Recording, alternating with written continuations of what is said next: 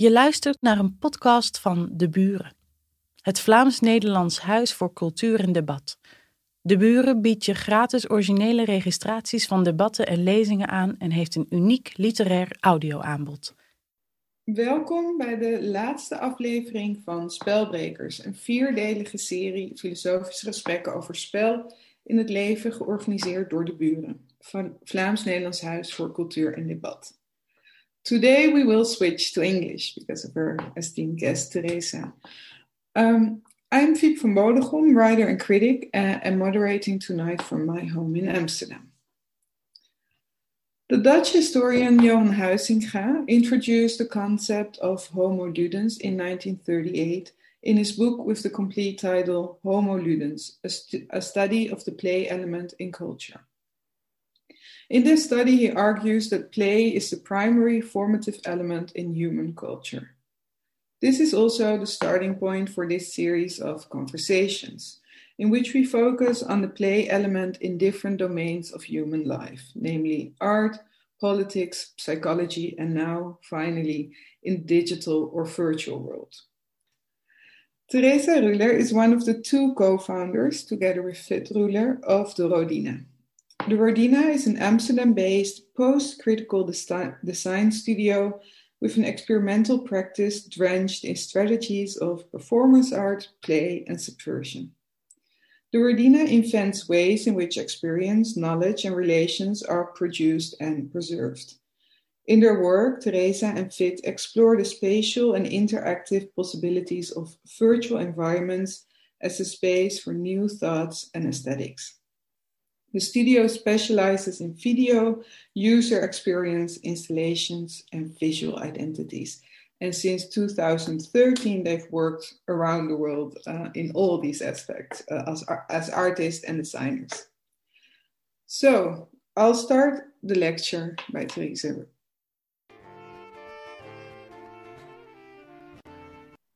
Hello, everyone. Welcome to Transformative Collabs. Today, I would like to talk about digital games and how they're being enriched as a medium by artistic practices. I am Tereza Ruller, communication designer, educator, and founder of Amsterdam based studio The Rodina. In our practice, we design situations, participations, and interactions, be it physical installations, performances, and playgrounds, or video games environmental websites, experiences, and tools for life engagement. Playfulness and imagination, they play a key role in designing such projects. Therefore, I would like to look at selected concepts spanning from play as a cultural phenomena, motivational and educational tool, to digital games as counter voices to current socio political situations. So let's dive into games used as emancipatory tools rather than ecstatic escapes. First chapter From Comenius' Schola Ludus to Video Games.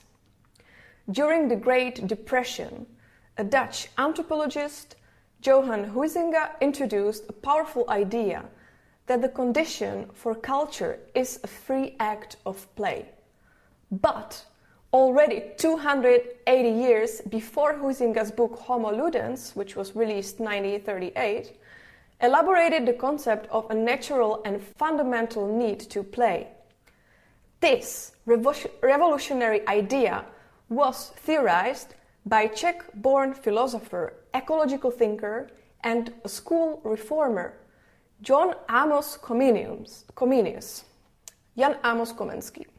His book, Orbis Pictus, is the first picture book ever made for children.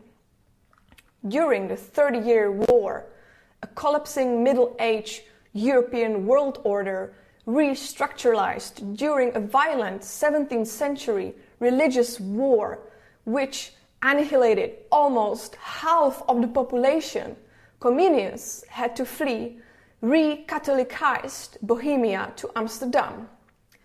That became a safe haven for him as a Protestant. In exile, he developed a philosophy of education and re- revolutionized primary schools by integrating play and playtime and nature exploration. Comenius saw the play as an important didactic strategy. In his words, the joy and play have the power to open the wisdom gardens.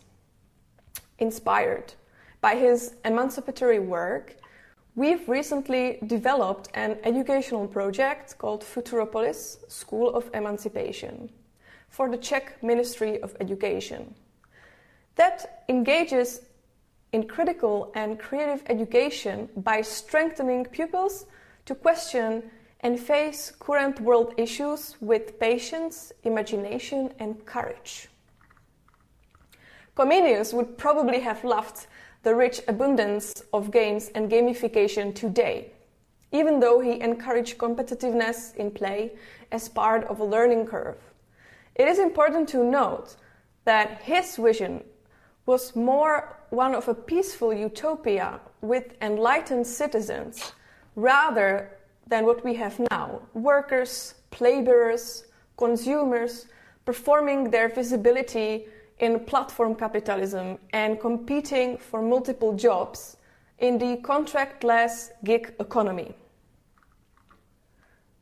In his Schola Ludus, Comenius introduced a theory of games and healthy competition in relation to learning. Comenius described seven criteria of what makes a game a game movement, spontaneity, collective activity, competition, order and rules, facility and imitation, and purpose, as he called it, the relaxation of the soul. This list was later refined during the boom of digital arcade games of the 80s. Making Learning Fun publication analyzed digital games to find out what it was in the game design that made them engaging and motivating. It introduced the taxonomy of intrinsic motivation, which expanded Comenius's and Huizinga's theories. It concluded that digital games have the ability to motivate players internally by challenge, curiosity, control and choice, and fantasy. The key insight is uh, early digital game theory brings human interaction, empathy, and imagination to the center. In 1991, motivation and education theories were tested as part of the interactive Pong experiment. A large audience became controlling a tennis player collaboratively, just with colorful pedals, without any given rules. Much like the DeepMind learned how to play Atari games only with the pixel data, controls, and scores. So the crowd was able to figure out the situation with no instructions. Second chapter From intoxication to critical world making, when reality becomes like games. There are 1.65 billion playing digital game users worldwide, which makes a $159 billion industry in 2020. Although nobody knows how many invisible players are simply pirating or borrowing licensed software. As society evolves from an industrial to informational one, play, playfulness, and games have a forming force in human lives. Even though play was for a long time considered childish. Most of the digital games of today are designed by adults for adults. This change is ever more accelerated by digital technologies that superimpose the virtual designs on physical, such as augmented and virtual reality.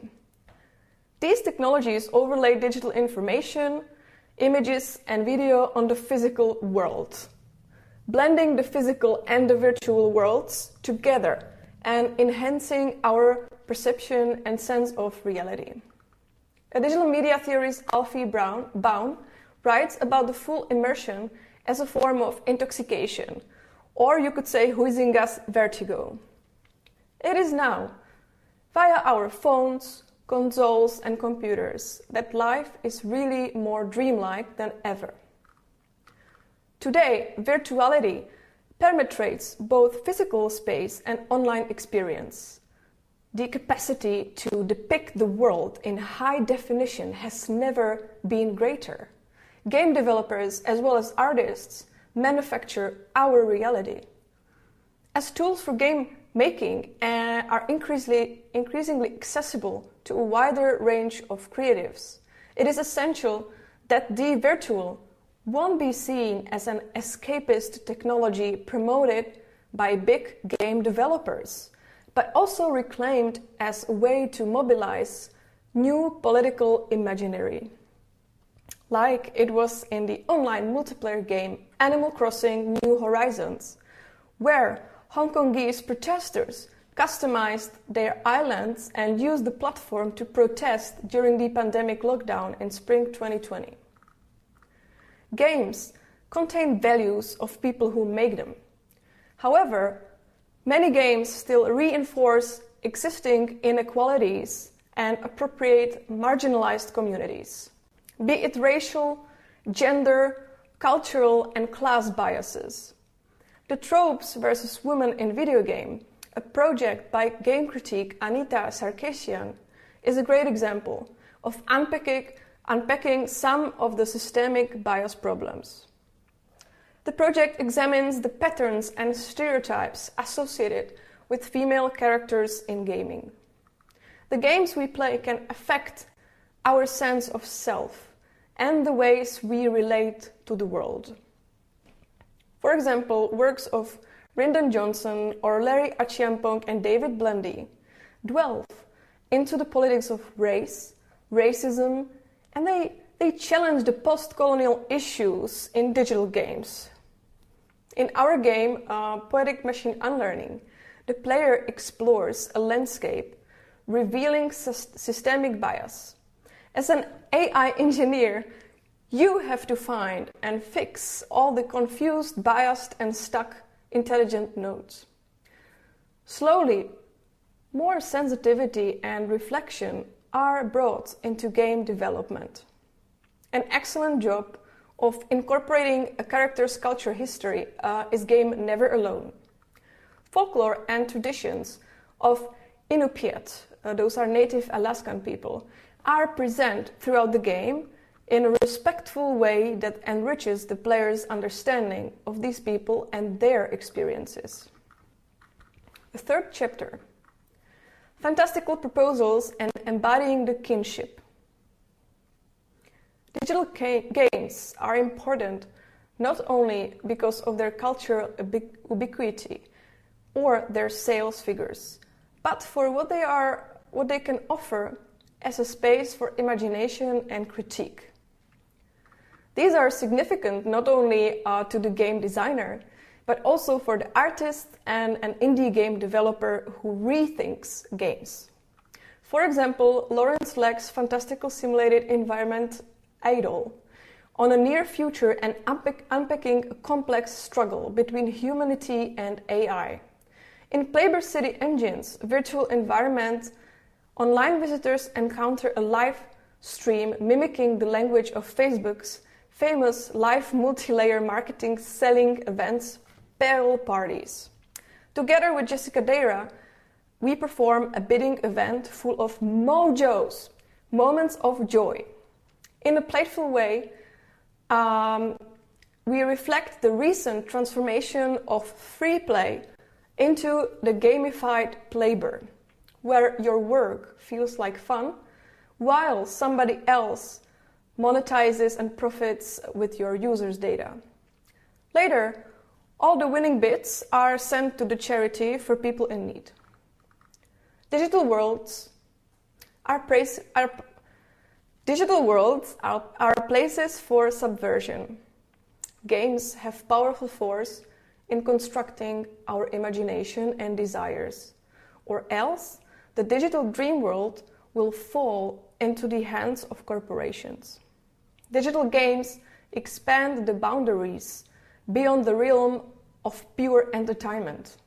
They offer they offer space for imagination and alternatives to current world order.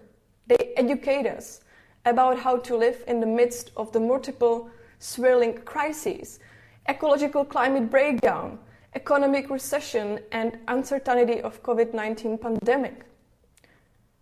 Kojima's masterpiece, Death Stranding, reflects on the post-disaster, post-disaster world of life and also death after the ecological catastrophe and mass extinction.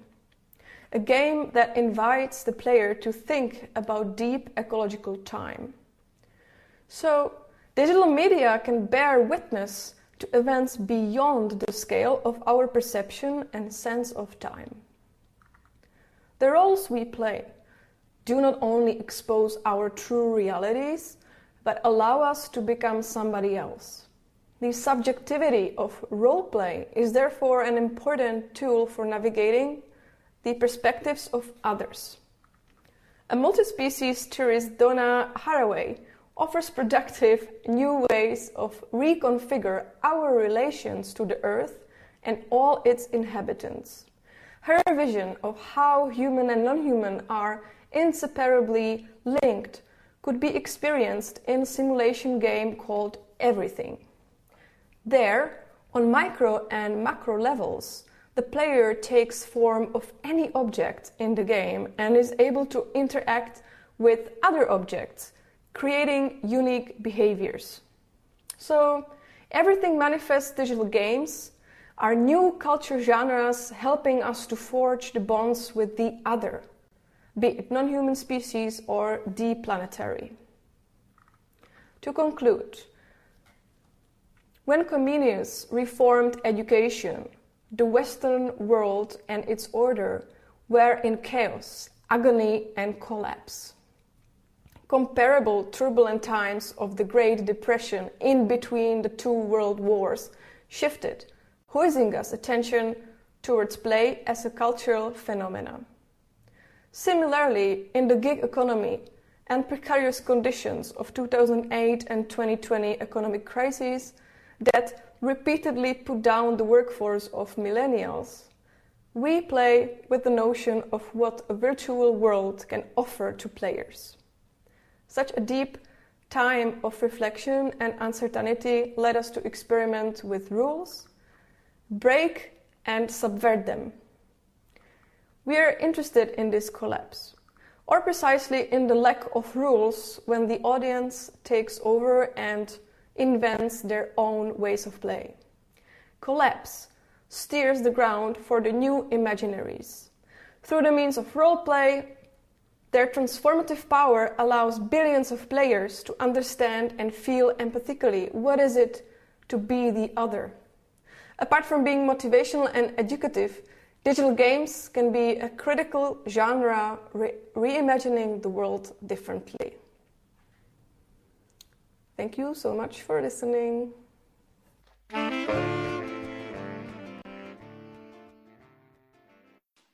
Thank you so much, Tereza, for this uh, for this very uh, interesting and also um, visual and complicated talk, uh, and luckily uh, I can ask you all everything about it.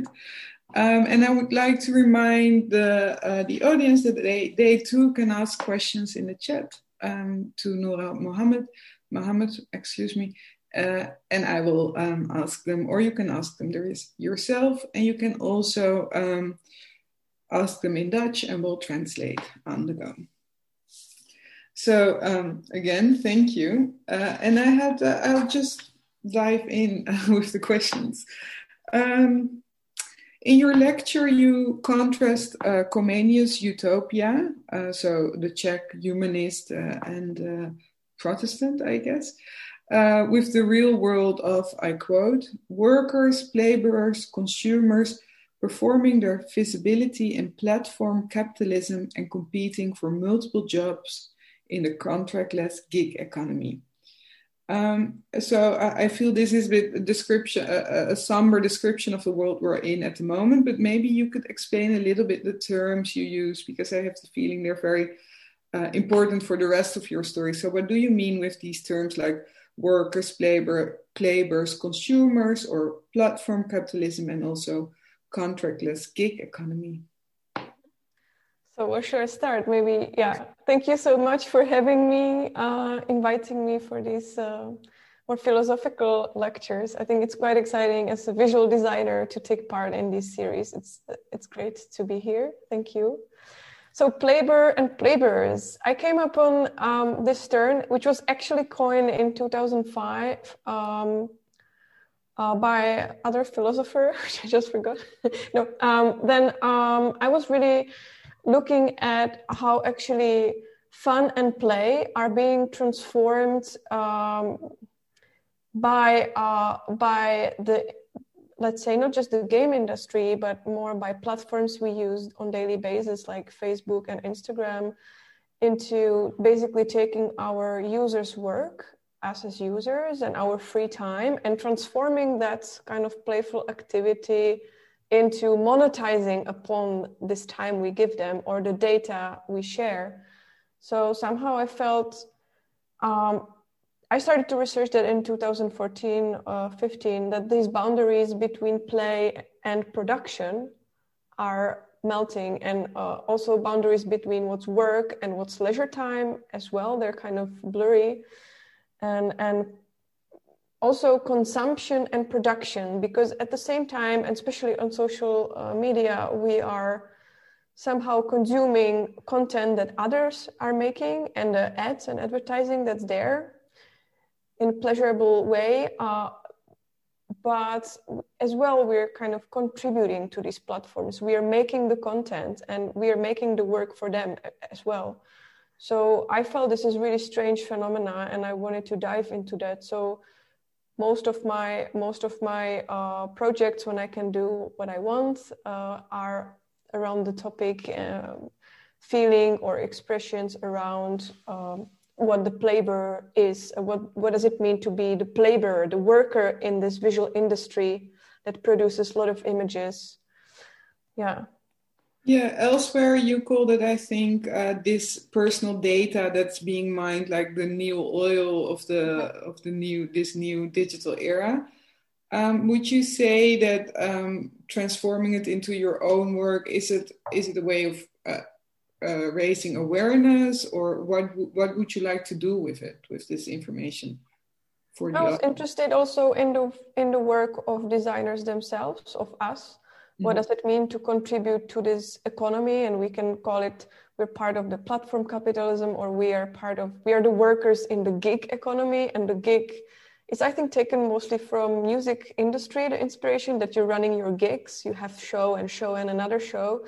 But for us as cre- uh, creatives, it means mostly that we're asked to be flexible and we don't have really full big contracts. We're not really employees of, of any company. We are more kind of this kind of flexible workers running from one job to another. So that's also described like that also contains a lot of uncertainty in in these and especially in these days that you don't know what you what will you do next year or in few months. This kind of strange thing that you also have to pay your own taxes, your own security insurance, you have to save up for your own pension. Uh, there is basically no uh, structure that could really uh, that you would feel that you you would be supported by. You cannot form unions that easily because uh, if you're not employed, it's uh, yeah, where do you who do you meet, uh, where do you go? Um, so somehow be independent. There is this double-sided coin of of being independent creative.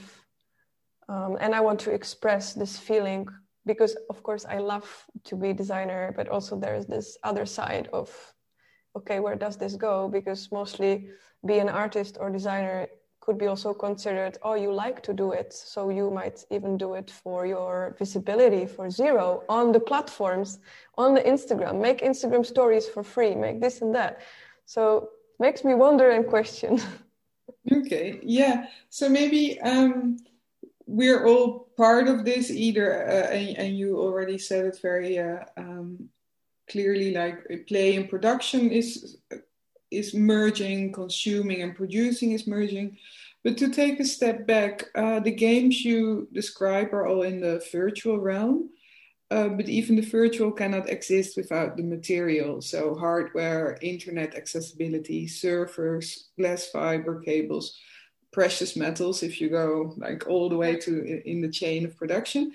How does this aspect of the digital world uh, interfere in the relation between the virtual and the physical? Uh, and especially as you propose this idea of games as an emancipatory tool? Mm-hmm. I think one one thing that that just pops out when you mention also the the wires and the cables is also um, just good to mention responsibility towards actually designing and making things to contributing to the world of games or design because everything you do even though it's just virtual and it seems very much not physical it takes the data they have physical representation uh, all the servers that run on, on clear water and, and, and the energy. They need all these physical resources from the ground from earth from the upper layer upper crust of, of our own planet. So i think that just uh, i haven't thought about it before but when you mention it now it really sparkles um, this idea to be responsive responsible towards the, the environment we're at and then as emancipatory tool, I was thinking that it's just like I mentioned it there in the talk that that uh, the access to all technologies is just increasing. We have like this year we have three billion uh, users of smartphones, and through those, of course, there's so much uh, augmented reality apps and tools and and um, things you and games you can play. So I think there, it, it's question of accessibility for players, but how we can make these players emancipated, that they start making their own tools. And that's where I'm really starting to be interested that you can, you know, mess with the rules of some games, change the scenarios or change the maps, maybe change the textures, and then you can start thinking, how can you develop your own game? And I think there are wonderful game engines like uh, uh, I think Unreal and Unity that if you know a little bit of, yeah, if you work with computer and, and you might take, um, you know, you can look at some tutorials, which is also nice that there's a huge community. Then uh, you can actually grow and become your own developer and tool shaper. So that's exciting. That's yeah, for me. a question that ties very nicely um, um, into this. Uh, you in your talk you give the example of the Pong experiment, an experiment in which a group of people is giving this game um, without instructions, and yet they could figure out collectively how how it worked and play it. Uh, could you maybe tell us somewhat more about the importance of uh, rules in digital games and not only like what rules are made by the game maker and which rules are inherent to the digital form maybe so you already talk a little bit about almost giving the means of production to the player more than the, the maker of the game but how would this does this difference matter between um, uh, what is inherent to the digital form and what are the rules made by the game maker mm-hmm. i think with the um, i think it's mostly like question on the game mechanics and uh, affordances that we can or possibilities that different games can can give us. So if you have like the table games or the or board games they would have different possibilities than games role play or that you can play outside on the playground as a kid and definitely different than uh, using technologies. I don't know what i haven't thought about exact examples of, of these new mechanics that are brought by uh, virtual worlds or or these games but it's definitely uh, means of maybe embodiments that you can uh, of course you're using your uh, the role play as one of the so you have your characters your avatars but in these uh, in these virtual worlds these avatars already look somehow. So there is already a visual layer um, of these avatars which can be done maybe customized by you as a player or by uh, game designers developers I was quite interested in the mechanics itself because it brings like a lot of interesting questions when you're developing your own game, whether you want people to collect action points or solve puzzles or race against each other or more build something together. So there's all these questions that you have to kind of think about when you're making when you're making game. And I think um, somehow it's connected maybe also with the how also games virtual video games um, have developed. Because in video games the processing power of computers has really much increased so you can do much more. If you imagine like the old game of like space invaders or i don't know asteroid something you've played maybe i don't know ms-dos or even before like atari. Uh, then uh, it was just about the game mechanics was like to collect things or to shoot things and the game scenario the world was very much limited and you had the levels.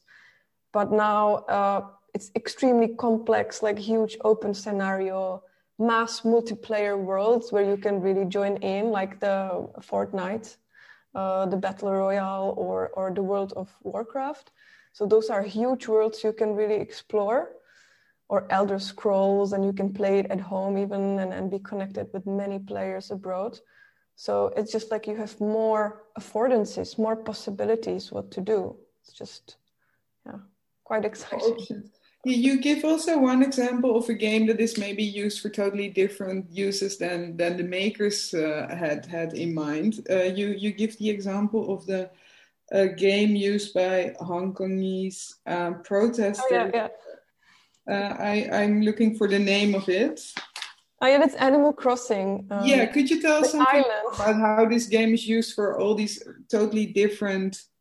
Yeah, or... it's quite uh, it was quite exciting to uh, found out. That was I think this spring that I realized this happened uh, because of course the protests for democracy in, in Hong Kong and the protesters they couldn't really meet because of Corona. They couldn't gather. And of course the police uh, oppression was very much present. So they needed to figure out some alternatives for gatherings but also really showing to the world that they're still holding the flags of democracy. And and this Animal Crossing is I don't want to label it, but it's very simple um, leisure time. Too cute, too cute for me to even play it. Like uh, it's ridiculously cute game that you just almost do nothing. You just help your friends to build and live on an island. It's just yeah. There's almost like for me the game mechanics.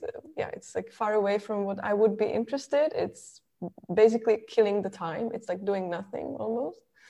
And they use this space to put on their textures the banners for protest. So they really took over this space, which was before claimed they're not interested in politics and they will they will not um, uh, do any censorship. So uh, yeah, they took they took over this space. so and who are they then in this? The the people who exp- uh, who made the game available or the server? No, that was like uh, parts of the umbrella protest. The Joshua Wong and and his. Yeah, yeah, I understand. But who who was who who gave them actually the opportunity by saying that they were apolitical? The makers of the game or the ones? The makers of the game said that it's like non-advertising environment and uh, unpolitical, so that's why they will not censor things and it wasn't i think explicitly really said before to invite protesters. It was just part of the rules of the game.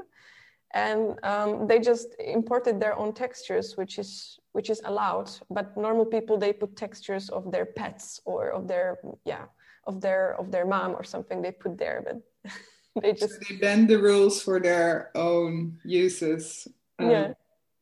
Yeah exactly Maybe um, to also uh, ask something about the figure you introduce or, or the historical person of uh, uh, Comenius, who um, developed his ideas about play and especially children's play mm-hmm. after um, fleeing for the Thirty Year War. Uh, and you also mentioned that Huizinga uh, wrote Homo Ludens during the Great Depression. And I think it's mm-hmm. very funny you were the first who called it the Great Depression because everyone mentioned that it is before Second World War, but you um, connected it clearly to this economical crisis.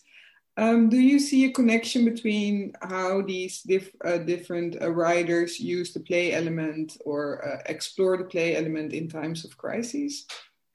I know because we in the studio we really like to work uh, with not with crises, but uh, you know with this positive means of being a little bit stressed and a little bit pushed to do things or or also seeing that our work is being used in a little bit different manner that people take over and they find their own rules or you know they read in between lines and become become creative in ways we don't expect.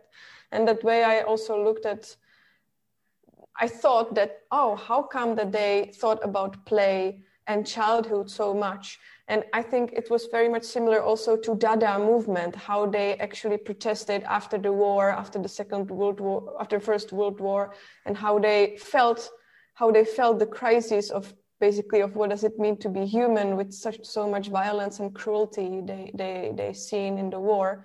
So I thought this is very much connected how Dada started, and I thought, okay, there wasn't just like First World War and Second World War. The time in between was longer, and you cannot easily say when it started, but it was crisis that really creeped into people's life. Same as the 30 uh, years long uh, war in Europe, which also creeped into people's life throughout multiple multiple horrible events. So it wasn't just like one date you could say, but it was slower and it was there. Somehow it feels very much similar if I compare the the crisis today, I mean, we have ecological climate breakdown going on, but we just like don't we pay attention to it. But there's so many other crises, the economical one and also the health one. We have many uprisings all over the world. Like now, we, there's there's new wars popping up around. So you also feel oh, how come? What what is this time we, we're living at? Uh, is this also in between things? How this will be framed in the future? I'm quite curious about that slow increasing um, where does it go? Yeah. So would you even say maybe that there's always somewhere a crisis on the background yeah and maybe more also for creative people the crisis uh, spark also new ideas or try to find new ways how to deal with the world and with life so yeah, yeah.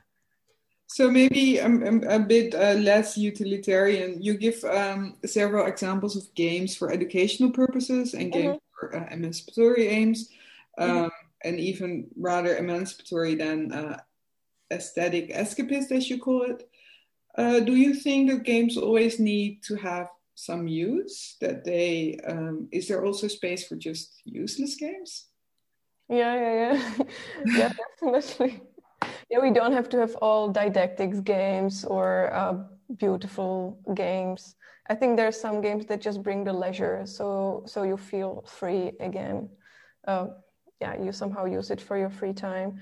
But I also come up on like a ridiculous game about this goose I think it's like new favorite game. It just was just released recently, and that's like very annoying goose that just walks around and um, bites people and destroys destroys things around. And you play the goose, and you're just like, yeah, there is like nicely organized village, and you're trying to just uh, you know bite it into everything. And uh, so this just ridiculously again cute game that actually doesn't really harm, but you're just this annoying animal and so yeah you can you can uh, you can live uh, with these games where actually you don't have to make protests or you don't have to make strategic worlds and new special worlds. You can also just feel free to enjoy.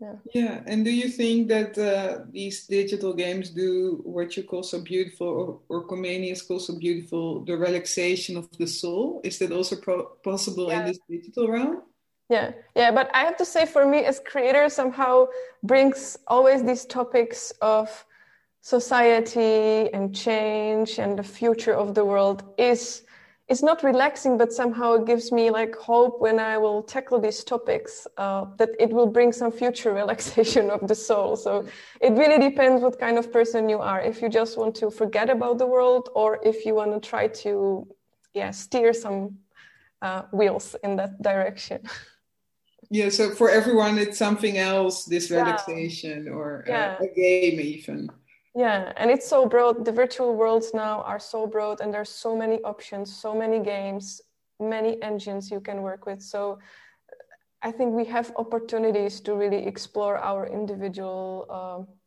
pleasures let's say or joys or or fears i mean yeah it There's also a question uh, from Alina, and she wants to ask him herself. Maybe this is the right time. Yeah, yeah, yeah, ask. Sure, ask me questions. Uh, hi, Tereza. Uh, thank you for your talk and your explanation. I thought it was really interesting, and I was really uh, reminiscing about all of the games I used to play. what have you played? Uh, well, I wasn't really that gamey, but I was uh, really into Second Life, for example. Ah, yeah, yeah. And all of the games where I was like a god figure, uh, making theme parks, for example. Ingress, I was a huge Ingress fan. Nice. Mhm. and that were really games that engaged me and made me really active and the, the the sad thing is now i play games while i am listening to podcasts because Ah. it's but really uh, mindless games so that i can keep being focused on the podcast.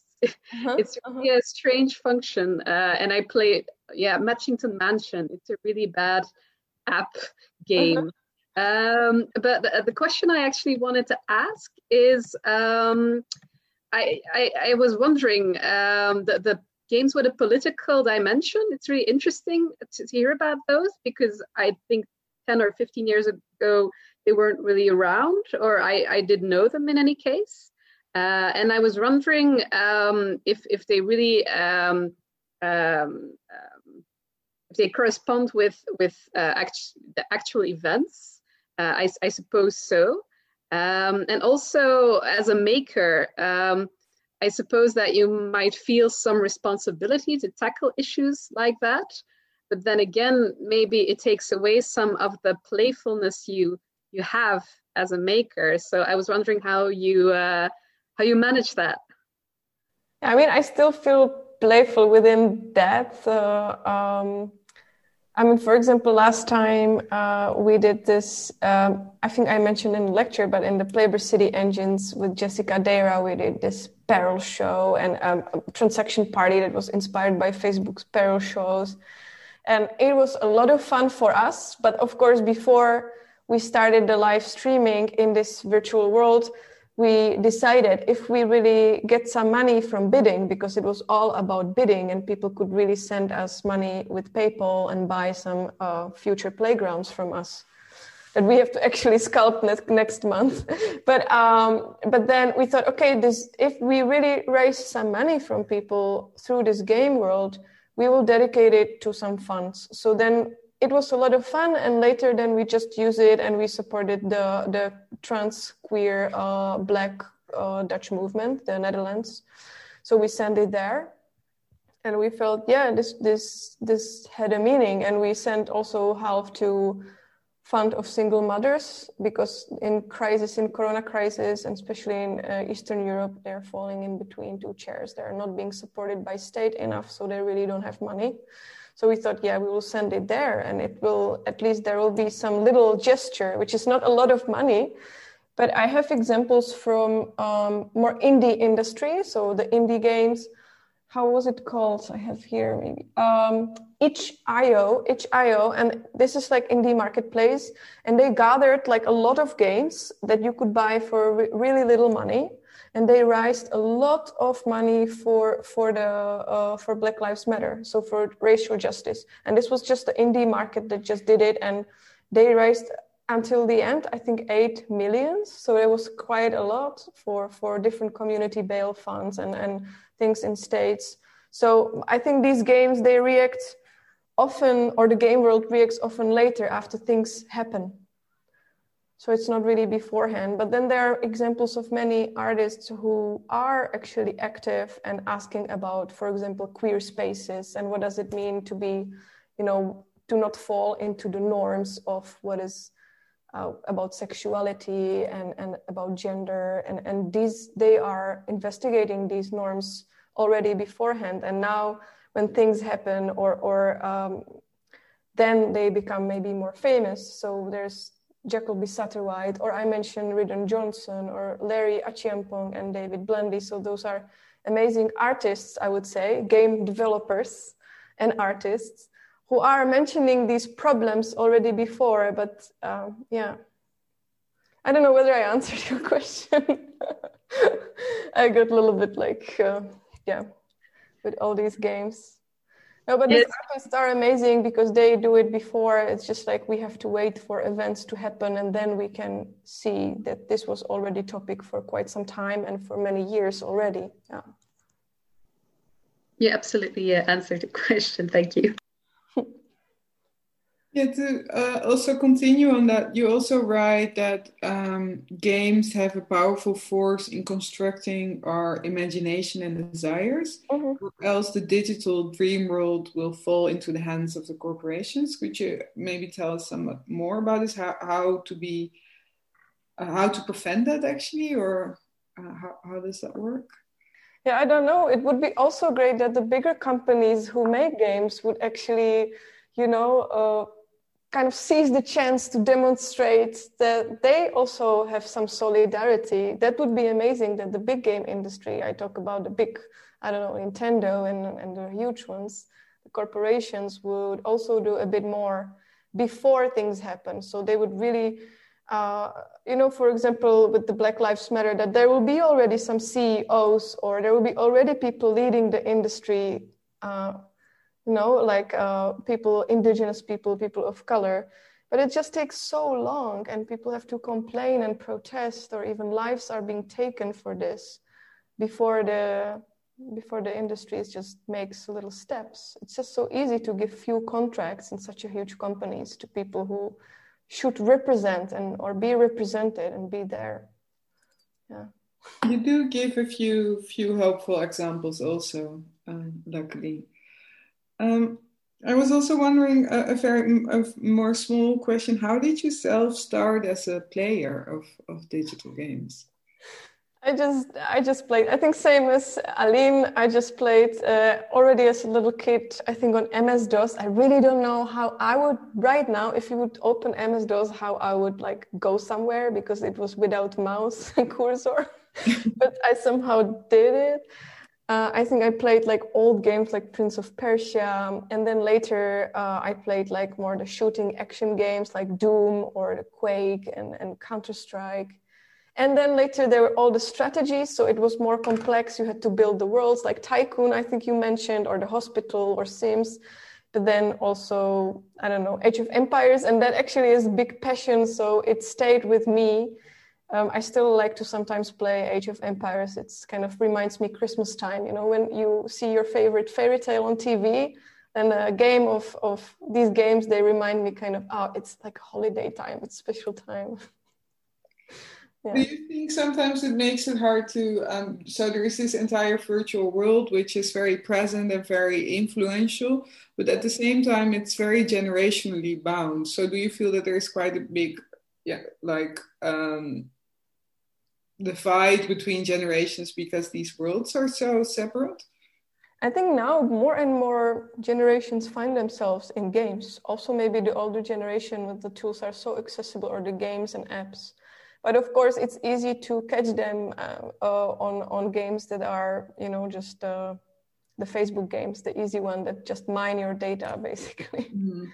You know, you collect the colorful stones and they're popping out. It's like, uh, yeah, I don't know how it's even called, but you know, these are the most addictive games. They claim themselves they're puzzle games, but there are no puzzles. It's just like it takes your time. It's like takes out your productivity, and then you feel guilty. You play these games, especially in office.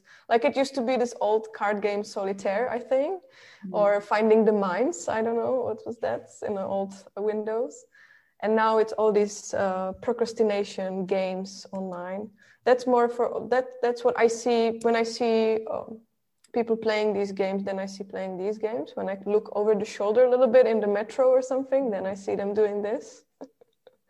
But yeah i think we have more common language these days. And especially like gen z and millennials we can find like our our games i think. Okay. Um, and um, so we talked a little bit about uh, crises before, and now with the uh, COVID nineteen pandemic, uh, of course, the like the digital space has become even more important, even faster. Like it accelerated, even also in uh, like educational context, for example. Could you tell something about this and how this influences the work of, of your studio? Yeah, I mean, we were preparing for making more and more virtual games before. So with the coding, you need quite some coding skills, which I really don't have. It's more really, uh, it's more Vit side. He's expert in that. Uh, and and the free building 3D worlds. So kind of this shift that happened really fastly in spring, we felt it's ready for us to just help others, the institutions that they needed to create virtual exhibitions because the physical ones were canceled or postponed till never ending date. So we could really help them in a short time to build virtual show.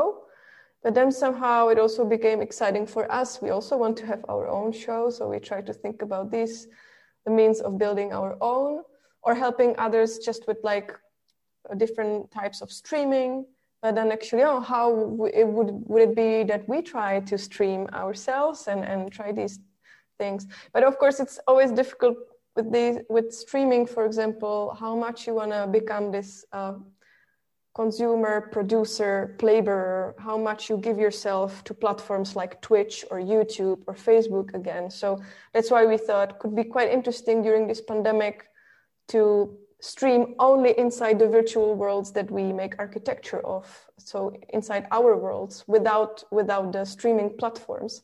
So that was quite exciting. It was a lot of fun. Yeah.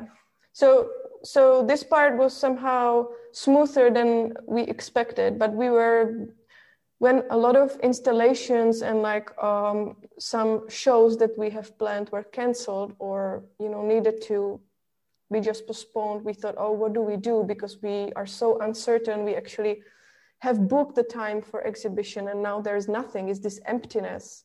But then, you know, after a few months, these projects can also dangerously like pile up, right? Because you don't have the deadline and suddenly everybody wants to, when, when the when the pandemic's not ends, but when the social distancing uh, gets less um, how do you call it, like uh, problematic, then everybody wants to make these shows again, and that would pile up projects, and it's you cannot handle it as a small studio of two people. So then we thought, let's try to shift it into the virtual spaces so we can we can have the work going on. So yeah. So you even shifted more to the virtual space uh, yeah. than before, like everyone did. Before, most of the video games that we made were really like video games. So we used engine Unity and we would sculpt it in 3D and that's galleries, uh, museums, they would have computer in there and you could play it on console. But now we thought you cannot really come to musea, to galleries, they're closed. So uh, we need websites. So the game, the games that we started making was just because of pandemics. Yeah. So the the institutions in between have been cut out of the communication actually between yeah. you and the audience. Yeah, but that actually brings a lot of new problems because you are used to there is technician, like person who helps you to build it. Uh, if you need to make some nice, I don't know, wall wall paintings or or wallpapers, there is production company that prints it for you installs it for you but suddenly if you make the game you have to make the lights you have to make the everything you have to build yourself you have to sculpt it yourself. You also have to take care of opening hours or like letting visitors in so you have to test how many people you can have at the same time mm-hmm. which suddenly like all of the jobs are connected into being a being this kind of experimentator yeah it's funny even the virtual realm has opening hours uh, and you you have to be both the supposed and the maker yeah. and the painter and yeah, yeah. yeah. Um, I have maybe a, a, last question. You did answer it throughout our conversation, but I uh, ask it anyway.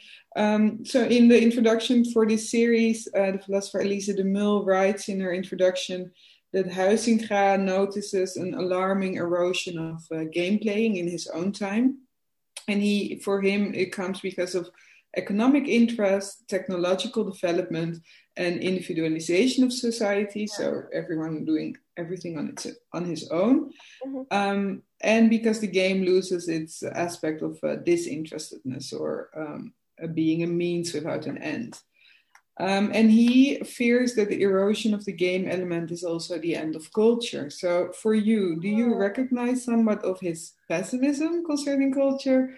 Uh, and in your case, of course, more specific digital culture, or are you a, a real optimist and do you not recognize anything of this? I hope to be more optimistic in that, uh, in, in emancipation of the tools we have as creators and players. But somehow I recognize when he he mentions that, I would more say for us, the fear is this uh, is more instrumentalization. so that the, the players or the users are turned into workers.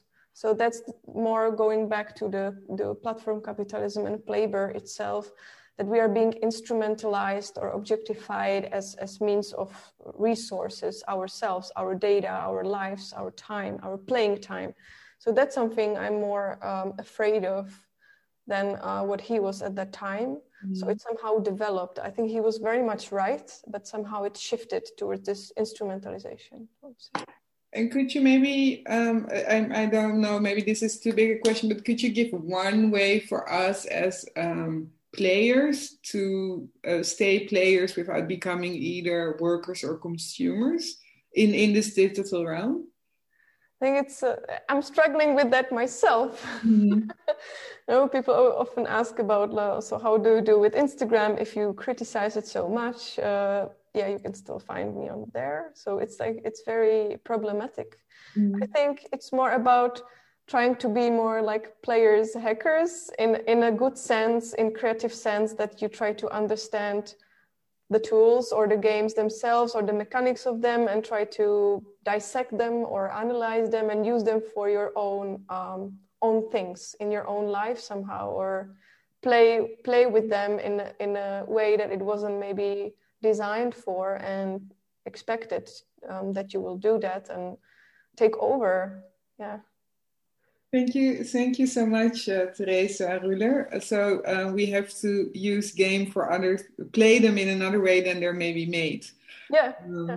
experiment to break the rules, and I think that could be interesting. Thank you. Thank uh, you so much, Fiep. Thank you too. Yeah, I will close a little uh, bit. I'm I'm looking for my um, instructions. So. Um, Thank you also visitors for your um, attention and your visit tonight. Dit is de laatste avond in deze serie, maar de buren heeft natuurlijk nog talloze andere activiteiten online en live. Mocht u geïnteresseerd zijn in de voorgaande avonden uit deze reeks met theatermaker Laura van Dolron, politicoloog Anton Jeger en psychotherapeut en filosoof Jens de Vleming, dan kunt u, binnen, kunt u die binnenkort terugkijken via de website van de buren. Voor nu een hele fijne avond en dank voor uw aandacht. Je luisterde naar een podcast van De Buren, het Vlaams-Nederlands Huis voor Cultuur en Debat. Benieuwd naar ons literaire aanbod? Luister dan ook naar radioboeken, citybooks en andere audioverhalen. Ontdek ons podiumprogramma en al onze digitale producties op www.deburen.eu.